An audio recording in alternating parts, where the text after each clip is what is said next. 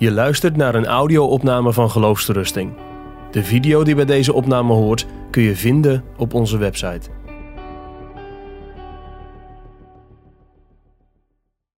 Ik ga altijd, als ik ergens mag spreken, onderweg om iets te brengen. En ik ben altijd heel erg blij als ik dan, voordat ik iets gebracht heb, ontdek dat ik al heel veel heb ontvangen. Ook hier in de ontmoeting, in het samen zingen, uh, raakt het mijn hart ook weer. Uh, het getuigenis net van Marjolein. Um, de liederen die we samen zingen. Zo, nou ja, persoonlijke ontboezeming van mezelf. Ik denk, dat, is, dat is zo verrassend. Dan denk je ergens iets namens God te komen brengen. En dan zegt God als het ware tegen je: Maar ik heb eerst wat voor jou. Deze gemeente gaat eerst jou zegenen. Voordat je ze mag verder helpen. En uh, tot zegen mag zijn, hopelijk. Dat is mijn gebed in ieder geval. Maar wel over een onderwerp vandaag. Uh, wat wel een beetje een pittig is. Ik heb er de afgelopen week ook nog wel anderen over gesproken dat ik hier vandaag zou zijn. En dan kreeg ik Stevens de vraag: Oh, en waar ga je het over hebben dan? Ik zei ja, over schuld. en de gezichten die dan uh, in reactie kwamen, non-verbaal, waren echt van: Oké, succes. Um, terwijl het is geen raar onderwerp, zo gezegd. Uh, als je een beetje met de Bijbel vertrouwd bent, is het super begrijpelijk en logisch en een goed onderwerp om het over te hebben. Dus niks kwaads daarover. Maar als je kijkt in de tijd waarin we leven, um, dan is het wel een beetje gek om het erover te hebben. Ik bedoel, schuld is dat betreft helemaal geen issue. En dat wil ik vandaag met jullie gaan doen. Ik wil een soort diepteboring doen, eerst in onze tijd, in onze cultuur. Dat je een beetje nou, gevoel krijgt. Misschien beleef je wat ik zeg wel zelf zo. Dat zou kunnen. Dat je in de kerk zit, maar het wel zo ervaart. Zoals ik het zo meteen ga uitleggen. En daarna wil ik met jullie de Bijbel in om, om soort van met elkaar onder ogen te komen. Dat contrast, dat is zo gigantisch groot. Het jeukt en het schuurt aan alle kanten, dat evangelie van Jezus. En het is niet vanzelfsprekend dat je dat gelovig omarmt en omhelst en daar enthousiast van wordt. De meerderheid van Nederland is er zeker niet enthousiast over. En als ze een beetje zouden weten wat Jezus echt zegt, plat gezegd, dan irriteren ze zich er kapot aan. Nou, dat, dat, daar wil ik met jullie uh, induiken. Want misschien had je het ook wel. Kom je hier naartoe omdat je, nou, je gaat gewoon vaker naar de momenten van Connect toe. Maar toen je het thema voorbij zag komen, dacht van, nou, ik weet niet wat ik daarvan moet uh, denken. Wat ik daarmee moet met, uh, met schuld.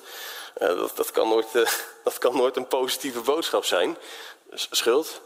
Gaat hij dan een beetje een chagrijnig verhaal zitten vertellen over dat ik helemaal heel slecht ben en zo? Ja, dat ga ik doen. um, dat ik verloren ben, krijg ik dat riedeltje weer? Ja, daar gaat het ook over.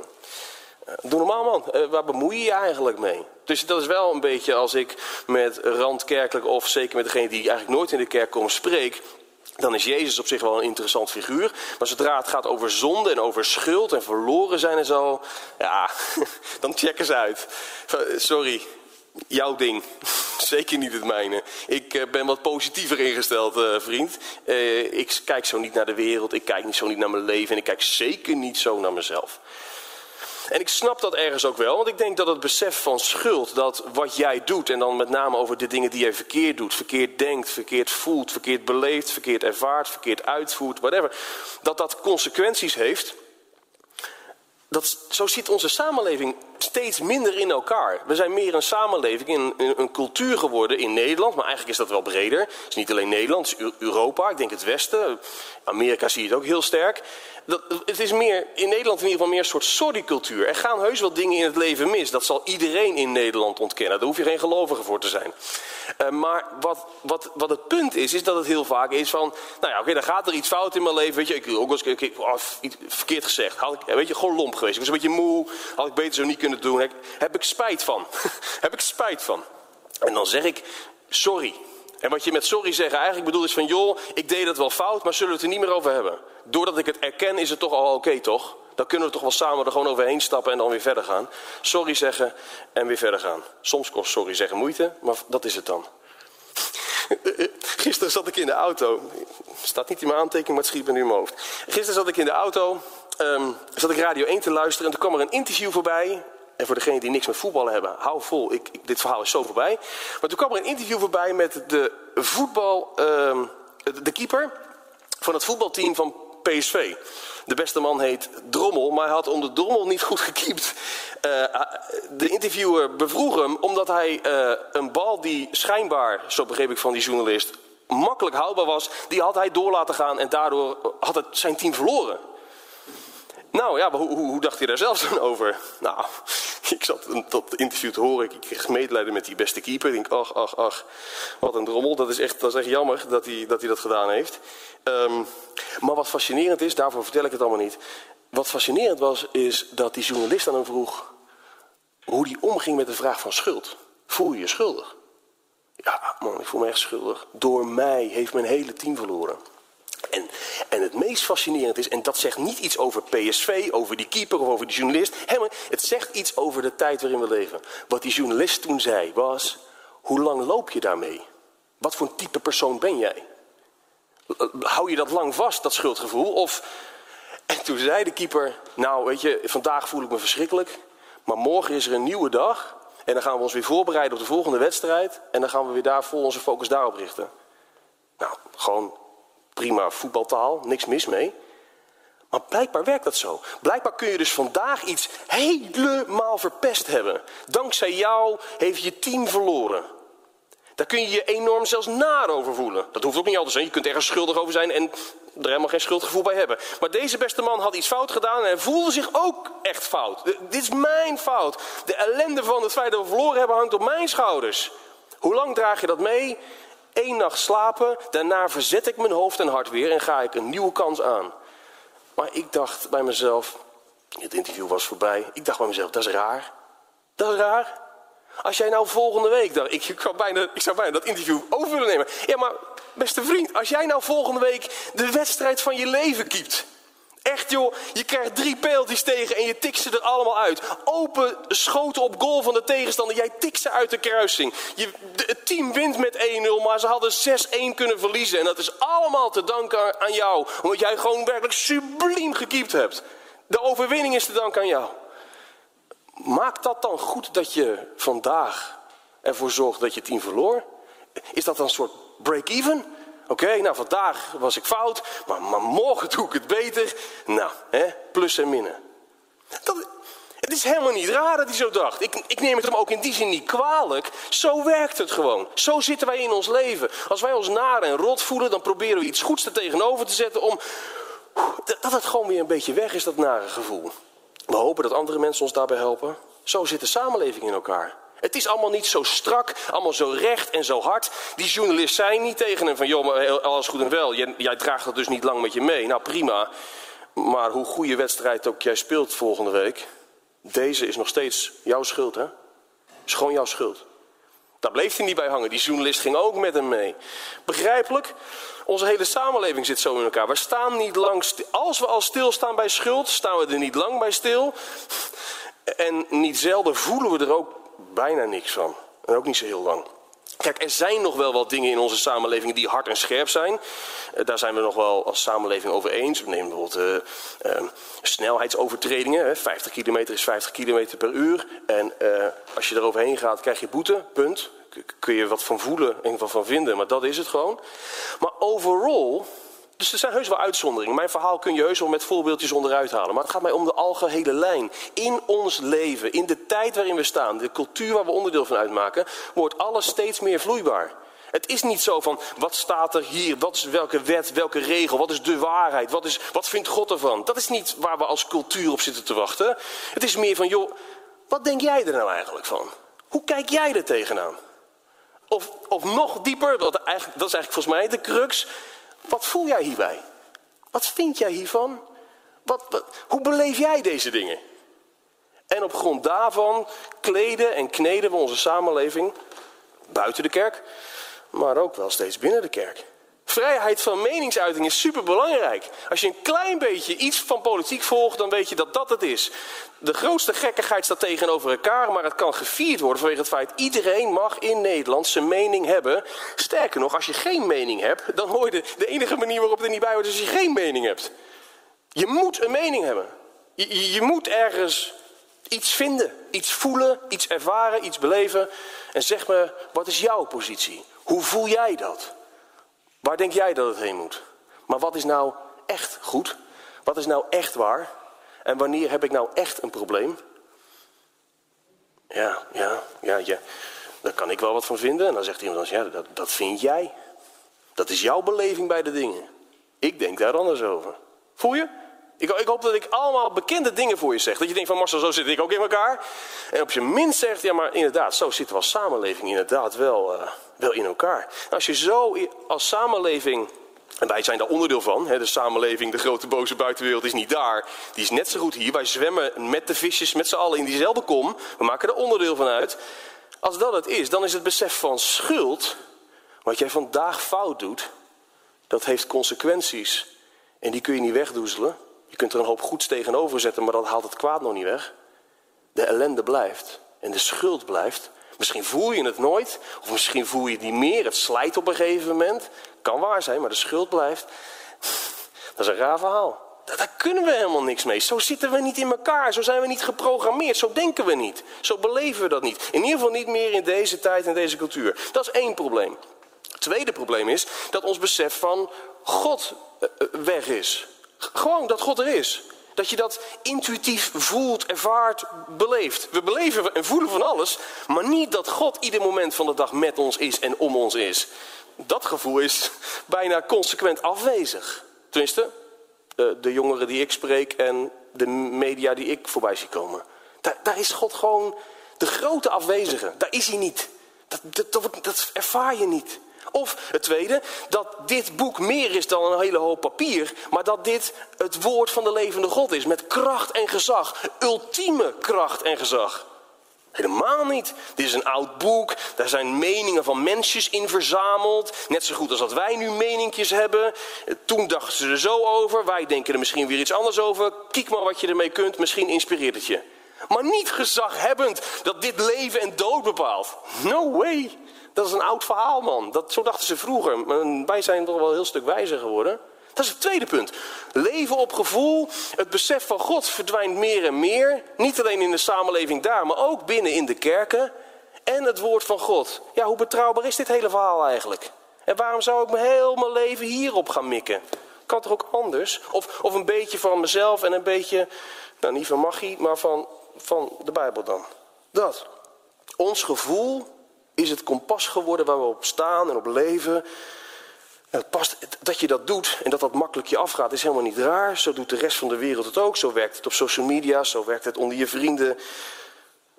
Ja, waar moet je eigenlijk spijt van hebben? Wat is nou eigenlijk het probleem? Wat doe ik verkeerd? Als ik nou gewoon op zich gewoon een lekker gevoel heb bij hoe mijn leven zo ongeveer gaat. En af en toe heb ik denken van, ah, dat had beter anders gekund. Dan voel ik me dan niet zo lekker over. Daar, daar heb ik dan spijt van. Daar zeg ik sorry over. Dat probeer ik dan te verbeteren. Als ik zo mijn leven leef. Waar bemoei je je dan eigenlijk mee? Dan is het toch oké? als ik er een prettig gevoel bij heb. Val me dan niet lastig met, met, een oud boek en met Jezus. Dat is allemaal leuk.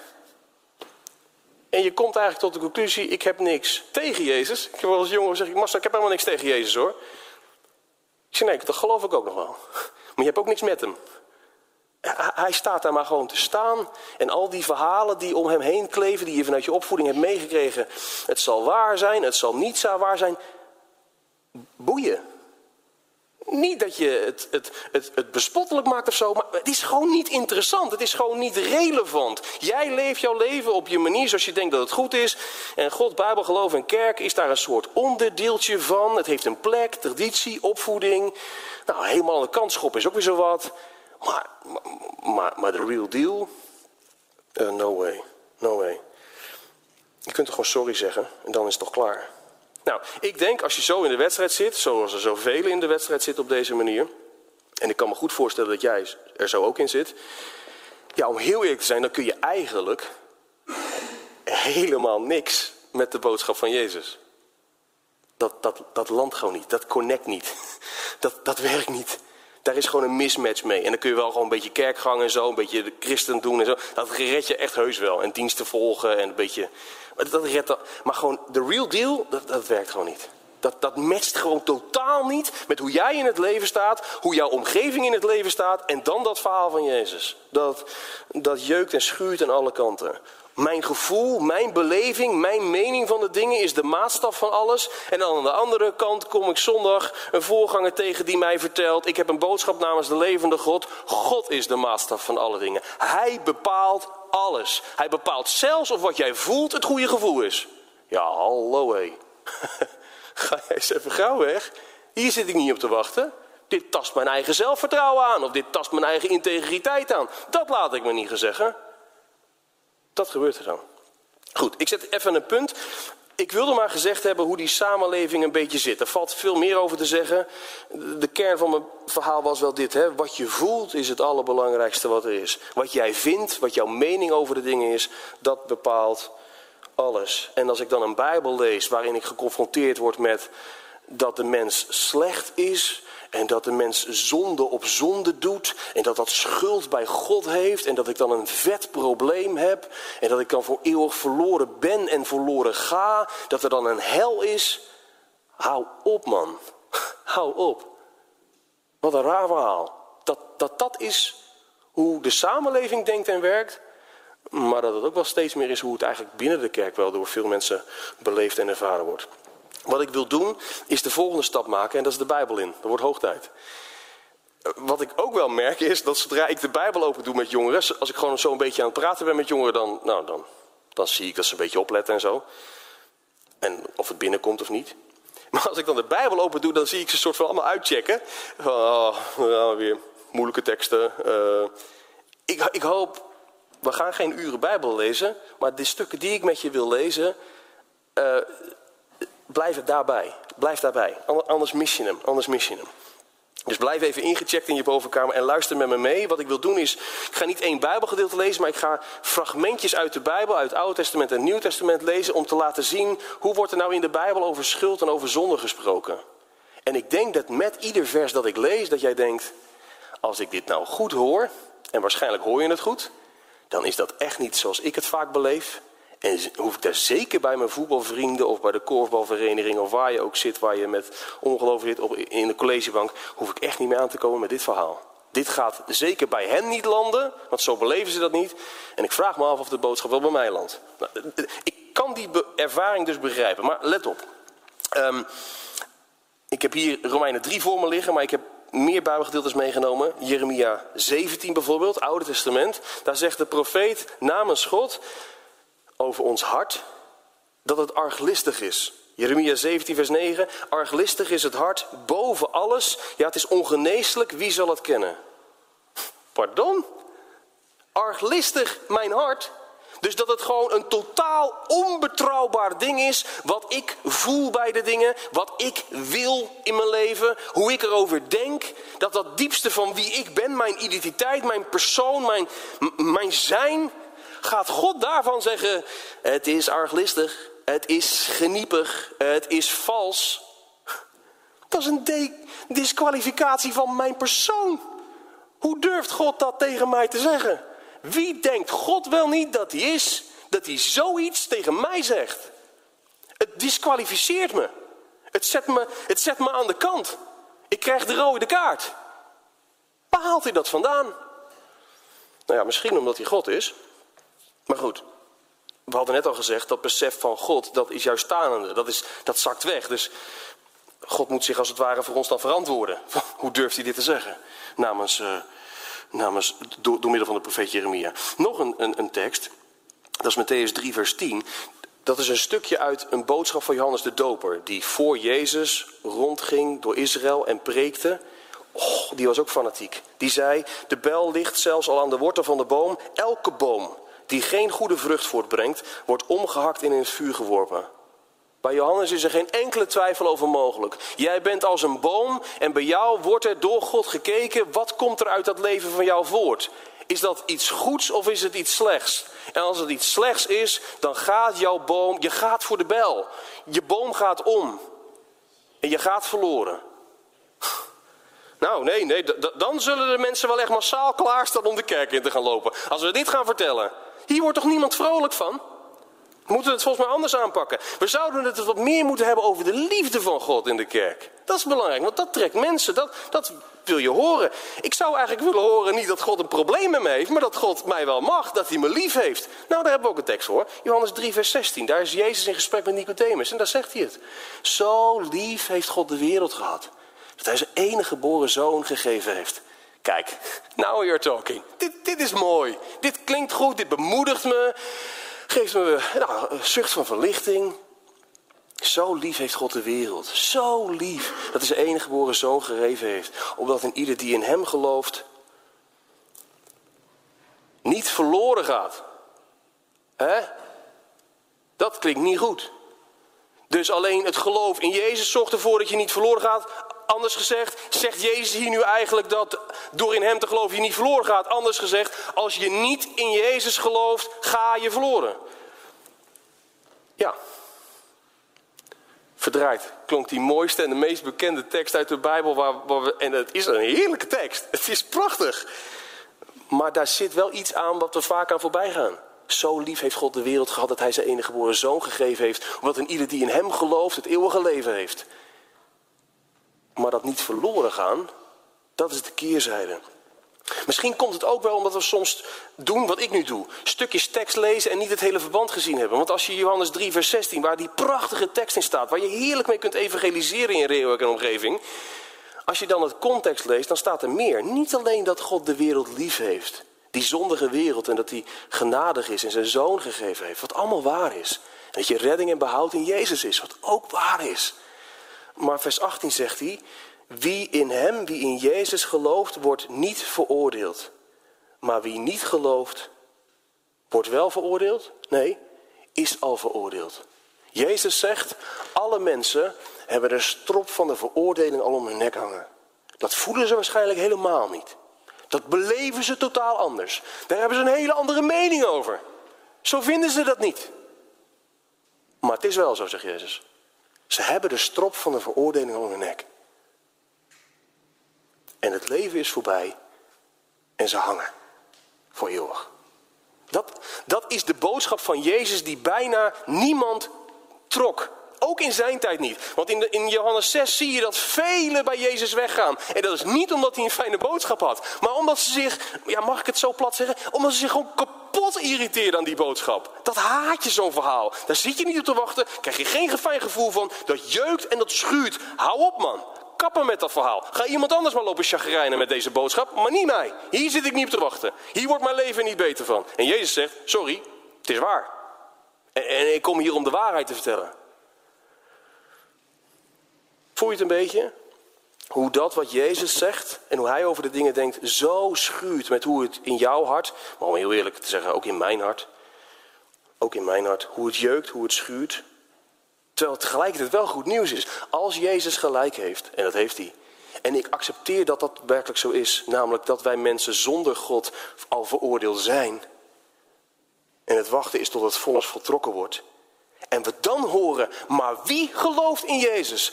Die wordt van die strik van de veroordeling bevrijd. Dan is er werkelijk vrede, vreugde en vergeving. Voor wie ook maar gelooft. De deur staat wagenwijd open. Er wordt bij de troon van genade niet gediscrimineerd. En ook niet positief gediscrimineerd. Allen die tot hem komen zijn even welkom bij hem. Dat, dat is het evangelie. Romeinen 3, Paulus gaat er ook op door. Paulus heeft wel meer gezegd, maar hij zei ook dit. Allen, ieder mens heeft gezondigd en mist de heerlijkheid van God. Je mist het gewoon. Je, vaak ook zonde erg, zonder het te zien, zonder het beseffen. Dat is het hele probleem van zonde. Het probleem van zonde is niet dat je super bewust ervan bent en het dan toch doorzet. Dat kan. Maar heel vaak, joh, je hebt geen idee. De, de, grootste ellende van de ellende is dat je je ellende niet ziet. Dat is het punt. Dat je gewoon, dat je gewoon als een blind paard loopt en dan, en dan weet je het niet. Die blind spots in je leven. Je, je, was je er gewoon niet van bewust. Maar het is niet minder waar. Efeze 2. U die dood was door de overtredingen en de zonden. Dat zegt Paulus. Hij zegt tegen de gelovigen: Jullie geloven nu, jullie horen er nu helemaal bij. Jullie zijn geaccepteerd door God. God heeft jullie lief. God ontfermt zich over jullie. Maar laten we wel even eerlijk zijn. Jullie zijn geen haar beter dan al die andere uh, atheïsten die, of halfbakken niet-gelovigen in Efeze.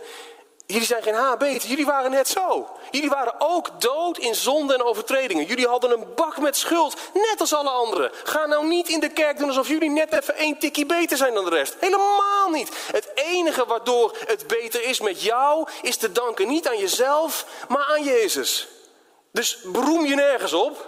Alles wat je hebt, dat heb je gewoon ontvangen. Cadeau gekregen. Het is genade. Nou, ik, ik, hoop, als je mij nu dit zo hoort, dat je snapt waarom kerken leeglopen. als het evangelie eerlijk gepreekt wordt? En waarom er niet bij bosjes mensen voor de deur staan om binnen te komen? Want dit is gewoon niet fijn om aan te horen. Dit is niet, dit is niet, ja, even, dit valt niet te liken. Ik vind het niet leuk. Eh, het, is dat ik gevraagd ben om hierover te spreken, maar ook ik, dat moet gewoon eerlijk zijn, ook ik zou niet snel als eerste zelf deze boodschap breken. Zeker niet als je ergens voor de eerste keer bent. Dan, wil, je, dan wil je juist het, het heerlijke en het fijne van het evangelie vertellen en daar vooral de nadruk op leggen. Maar om heel eerlijk te zijn, wil je echt het evangelie goed begrijpen? Waarom dat zo goed nieuws is, waarom het zo mooi is, waarom Jezus zo lief is, dan moet je dit wel snappen. Wat dat betreft is deze, dit thema eigenlijk het beste wat je maar over kunt hebben. Je moet eerst weten wat het probleem is, voordat je kunt omarmen wat de oplossing is. De grote vraag is, wat doe je met jouw schuld ten opzichte van God? Wat, wat doe je daarmee? En, en de ene, ja, die zegt, joh, ja, niks eigenlijk. Ik heb gewoon niet zoveel met die boodschap. Dat, dat komt bij mij niet binnen. Ik heb die verhalen gehoord. Ik ken het. I've been there, I've done that. Maar ik voel daar niks bij. Ik vind dit trouwens ook gewoon best wel... Je probeert het een beetje leuk te verpakken, maar ik vind het eigenlijk gewoon een super somber en triest verhaal. Dit helpt mij niet. Hier word ik gewoon niet uh, blij van. Ga maar in een andere kerk lopen sikken neuren over zonde en schuld en zo. Hier moet je mij niet aankomen. Ik word ook niet gelukkig van als dit iedere keer het onderwerp wordt op een connectavond. Want, want dit is één keer en dan is voor de rest van jou wel een beetje klaar ook. Mij moet je hier niet meer lastigvallen. Prima dat verhaal van God, die bestaat, dat zal heus wel. Ik denk ook wel dat hij er is. En de Bijbel, ja natuurlijk is dat geen Asterix en Obelix, dat snap ik ook wel. Dat moet je gewoon wel serieus nemen. Maar dit is anders. Wat je nu zegt uit de Bijbel, dat raakt mij tot in mijn diepst van mijn wezen en mijn zijn. Ik voel me compleet afgewezen of afge... noem het maar. Nou, daar, daarvoor ga ik niet naar de kerk. Als ik afgezeken wil worden, dan ga ik wel naar een voetbalteam toe. Dan laat ik het daar doen. Maar niet in de kerk. In de kerk wil ik omarmd worden. In de kerk verwacht ik, verwacht ik, verwacht ik warmte. Verwacht ik mededogen. Verwacht ik een omhelzing. Verwacht ik niet om veroordeeld te worden. Nou ja, die snap ik wel. Die snap ik wel. Nou ja, in de kerk staat God centraal. In de kerk staat de Bijbel centraal. En wat ik je heb gelezen is niet het enige wat in de Bijbel staat. Ik sluit zo af met de andere kant. Maar dit staat er ook. En dit skippen we zelfs binnen de kerk veel te vaak. En daarom leg ik er even maximaal de nadruk op. Tot het moment dat het bij jou van binnen jeukt. Misschien zegt iemand anders wel. Die schuld bij God. Ja, of ik het nou voel of niet. Of ik dat nou leuk vind of niet. Ik ben wel steeds meer en meer in mijn leven van overtuigd geraakt dat God er wel is. Of ik dat nou leuk vind of niet. Ik ben er wel steeds meer en meer van overtuigd geworden. Een innerlijke overtuiging die groeiende is. Door contacten met mensen. Door, nou, door zo'n getuigenis van Marjolein. Maar gewoon ook door zelf het besef in mijn eigen hart en leven. Misschien is het iets van God die dat in me werkt of zo. Maar ik kom wel steeds meer tot de overtuiging. God bestaat wel. Ik kan niet om hem heen. En de Bijbel is krachtig en gezaghebbend. Daar kan ik niet meer marchanderen en teksten skippen die mij net niet even bevallen. Het is all or nothing. En ik ga voor die al. Maar ik vind dat wel moeilijk. Ik vind dat wel moeilijk. Als jij je verhardt in zonde en in ongeloof en die schuldvraag van jou wegwuift en zegt, joh, in onze cultuur, trouwens toch, sociologen zeggen toch tegenwoordig dat wij van een schuldcultuur naar een schaamtecultuur gaan. Dus dat hele issue van schuld, joh, dat is nog echt iets van oude gelovigen, van die orthodoxe rakkers. Maar dat is toch helemaal niet meer wat in onze tijd leeft. Als je je kop in het zand zegt en zegt, ga met die banaan, ik doe mijn eigen ding wel. Jezus komt spoedig terug en zal wel. Wie dan leeft, wie dan zorgt. Ik heb maar één hoop voor koppige zondaren zoals jij, als je er zo in zit. En dat is echt het werk van de geest. Johannes 16. Jezus zegt tegen zijn discipelen als hij heen gaat en vertelt dat de geest van God uitgestort wordt met Pinkster. Hij zegt ik zal een trooster sturen. En als die gekomen is, zal die de wereld, en ik zou willen zeggen de wereld buiten de kerk, maar ook de wereld binnen de kerk. Die zal de wereld overtuigen van zonde, van gerechtigheid, van oordeel. Hè? Heer Jezus, het zou het mooier zijn als u de geest stuurt, als u straks naar de hemel bent. Als u, als u de geest stuurt die wat meer liefde geeft en zo. En warmte. En, en dat we met meer mededogen naar elkaar om zouden kijken. En elkaar niet zouden verketteren in de, in, in de wereld. Dat zou fijn zijn. En Jezus zegt, dat is ook belangrijk. Maar er is één ding belangrijker dan dat. Dat de geest mensen van binnenuit, doordat ze in aanraking komen met het evangelie, overtuigt van zonde. Nou, dat klinkt niet positief. Van gerechtigheid. Oké, dat klinkt ook vrij massief. En van oordeel. Nou, daar worden we ook niet vrolijk van. Jezus dat is belangrijk. Waarom? Hij zegt het volgens zelf. Waarom is het nodig dat de geest in je hart werkt? Dat hij het je duidelijk maakt. Omdat je niet in mij gelooft, zegt Jezus. De geest moet dat innerlijk, die overtuiging geboren laten worden. Dat je beseft, ik kan kletsen wat ik wil, ik kan voeden wat ik wil, ik kan me, kan me onder vrienden begeven en meepraten wat ik wil. Maar Jezus overtuigt mij door zijn geest en door zijn woord dat ik me er niet omheen kan praten. Ik ben schuldig en ik heb zijn genade en zijn vergeving nodig. Van gerechtigheid, omdat Jezus niet meer een model op aarde is wat ons voortdurend de spiegel voorhoudt. En dus doet de geest het in ons, die de spiegel voorhoudt en laat zien, maar dit is de werkelijkheid. Praat er niet omheen en duik er niet voor weg. En van het oordeel, want de vorst van deze wereld is veroordeeld. Dat is de werkelijkheid. Als de geest van God jou vandaag, morgen niet wakker schudt, is echt helemaal niks wat ik jou zou kunnen zeggen, wat je ook maar een centimeter dichter bij Jezus brengt. Wat dat betreft voel ik me soms ook wel eens een beetje soort machteloos als ik hier sta. Het ligt, ik, doe, ik denk na over mijn woorden, ik bereid het voor, ik neem wat papiertjes mee en zo. Uiteindelijk, uiteindelijk ligt het niet in de kracht van de retorica, van, van hoe stellig ik het zeg, of met welk voorbeeld ik kom, waardoor ik je pak. Uiteindelijk is het de geest van God die onzichtbaar in jou de overtuiging wekt niet Marcel heeft gelijk, of onze voorganger heeft gelijk, of, of wie, mijn ouders hebben gelijk, maar God heeft gelijk. Die overtuiging, ik heb een vet probleem en Jezus is het antwoord en het genademiddel voor mijn hart en leven, die overtuiging komt alleen door de geest. Dat maakt mij niet gemakzuchtig. Ik ben volgens mij nog steeds net zo gepassioneerd om je het evangelie te vertellen. Maar wel bewust. Het is de geest die dat doet. En hij doet dat machtig mooi bij vele jongeren. Dat zie ik ook gebeuren.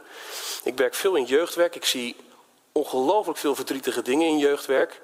Ik zie jongeren soms als verdwaasde egeltjes in, in, in, in felle koplampen van, lamp, van, van auto's kijken. Dat ze gewoon werkelijk niet van waar ben ik nou eigenlijk. En, en het gaat allemaal zo snel. En, en, en eh, wat wil ik eigenlijk met mijn leven? Dat zie ik. Ik zie verdwaasde en verdwaalde jongeren. Ik zie jongeren die al radicaal een keuze gemaakt hebben bij God vandaan. Zitten hun tijd uit, want het is gewoon gedoe met thuis. Maar zodra het feest uh, los kan barsten, ben jij weg. En ik zie jongeren die verlangen naar Jezus. En die een verlangen hebben niet alleen om zichzelf beter leren Jezus te leren kennen, maar om ook hun medeleeftijdsgenoten mee te nemen naar Jezus. Als jij dat bent, als je zegt, nou Marcel, je hebt heel veel verteld over jongeren die niet verlangen naar Jezus en die zich daaraan irriteren. Ik herken dat wel, maar zo zit ik er nu niet meer in. Ik verlang juist wel naar Jezus. Ik verlang wel om van mijn schuld af te komen en dat ontken ik helemaal niet. Ik wil juist wel gered worden. Ik wil wel van mijn zonde af. Ik verlang naar shalom. Ik verlang naar vrede. Ik verlang naar vreugde. Ik wil dat hele pak van schuld, van zonde. Misschien zeg je, ik ben dat al lang kwijt. Oh, halleluja. Als je, oh, ik vind dat wel eens moeilijk. Ik twijfel er wel eens aan. Ben ik nou binnen of ben ik nou buiten? Maar ik wil dat wel van af, van die hele ellende. Nou, dan tot besluit het tweede gedeelte van Efeze. Ik heb net Efeze 2 gelezen. Nou, dat was vrij heftig. Maar Paulus zegt in Efeze 2 meer. Hij zegt ook, door het geloof, genadig is God barmhartig. Hij is rijk in barmhartigheid. Hij zegt tegen die Efeziërs, laten we niet doen alsof we beter zijn dan de wereld, want wij komen uit de wereld. Wij zijn net zo halfbakken slecht als de rest. Het enige wat ons verschilt van de anderen is dat wij geloven. En dat geloof is nog een keer een gave, een cadeau wat God ons in ons hart gegeven heeft door de geest. Dus het is ook niet iets van, nou maar ik ben een gelovige. Zo werkt het ook niet. Want het geloven hou je alleen maar vol zolang God met je is en voor je zorgt. En dat geloof in je hart aanwakkert en weer opnieuw tot leven brengt. Want anders zakt de hele but gewoon in elkaar. Dat is de werkelijkheid. Hij zegt tegen, tegen de Efeziërs, joh, dat dood zijn in zonde en misdaden, dat dat veranderd is, is te danken aan Jezus. dat je nu vergeving hebt van je schuld, is te danken aan Jezus. Dat je nu gelooft, terwijl je eerst niet echt geloofde, of helemaal niet, is te danken aan Jezus. Oh, dat is het goede nieuws. Ander voorbeeld, Handelingen 16. Als die uh, cipier in de gevangenis denkt, oh wat een ellende, door een aardbeving is de hele boel losgebarsten. Al die gevangenen weg. Hij wil een einde aan zijn leven maken. Paulus en Silas zeggen, oh, wacht even, niet doen. En de boel wordt tot bedaren gebracht. En ze spreken met deze cipier. Zegt die cipier, wat moet ik doen om gered te worden? Wat moet ik doen om verlost te worden? En het antwoord is zo eenvoudig. Hoe word je bevrijd van zonde en schuld? Hoe kom je werkelijk tot het ware leven? Geloof in de Heer Jezus Christus. Het is zo belachelijk simpel dat iedereen daaraan voorbij leeft omdat het dat niet kan zijn. Er zijn veel mensen op zoek naar vervulling, naar bestemming, naar identiteit, naar whatever. Maar geloof in de Heer Jezus Christus en wel gelukzalig ben je? Ja, dat kan niet waar zijn. Dat kan niet waar zijn. Maar dat is het wel. Wat voor de mensen verachtelijk is en belachelijk is, daar ligt het geheim in. Laat me je uitnodigen met Johannes 6. Waar Jezus zegt in vers 37: Alles wat de Vader mij geeft zal tot mij komen. En de bevrijding is met mijn hele pakje aan schuld en zonde ben ik welkom bij hem. Hij zegt, wie ook maar tot mij komt, zal ik niet wegsturen. Zelfs niet als je zegt, ik ben in mijn hoofd overtuigd geraakt van het feit dat ik schuldig ben, maar ik voel daar in mijn hart werkelijk geen sikkepit van. Dit en dit, het, matcht ook dit niet. Uh, samenleving en Bijbel matchen niet, maar ook wat ik in mijn hoofd weet en wat ik in mijn hart voel matcht helemaal niet. Ik ben een chaos, maar ik heb wel een probleem volgens mij. Daarmee kun je ook naar Jezus toe, hè? Heer Jezus, eigenlijk ben ik hier in uw tegenwoordigheid. En zou ik hier met tranen in mijn hart of in mijn ogen mijn schuld moeten beleiden voor u en uw vergeving ontvangen. Maar ik voel dat eigenlijk helemaal niet. Eigenlijk kan ik het heel prima zonder u. En toch wil ik dat niet, kan ik dat niet. Ik weet met mezelf geen raad. Kunt u met zulke zondaren, die eigenlijk niet eens echt voelen hoe slecht ze zijn, kunt u daar ook nog wat mee? Ja, hij zegt niet, allen die met echte schuldovertuiging en diepe gevoelens van verdriet naar mij toekomen, die zijn welkom bij mij. Zelfs als je zegt, God, ik ben zo bokkelhard van binnen. Ik weet dat ik fout zit en toch doe ik het iedere keer weer en ik voel er nog niet eens slecht over. Die zijn welkom bij Jezus. Laat het maar aan hem over. Laat het maar aan hem over. Hoe hij dat regelt met jou. Maar dat hij het regelen gaat is zeker. Laatste vers wat ik met je lees, Johannes 6, vers 40. Dit is de wil van hem die mij gezonden heeft. Dat ieder die de zoon ziet en in hem gelooft, het eeuwige leven heeft. En hij zal straks opstaan op de laatste dag. Oftewel, wie Christus in het geloof omhelst, hem vertrouwt voor vergeving van zonde en eeuwig leven, omdat schuld, alhoewel in de samenleving niet erkend, een realiteit is, en je aan hem overgeeft, die ontdekt twee dingen. Je bent zondiger dan je ooit had kunnen denken. En je bent in Christus meer geliefd dan je ooit had kunnen dromen. Amen.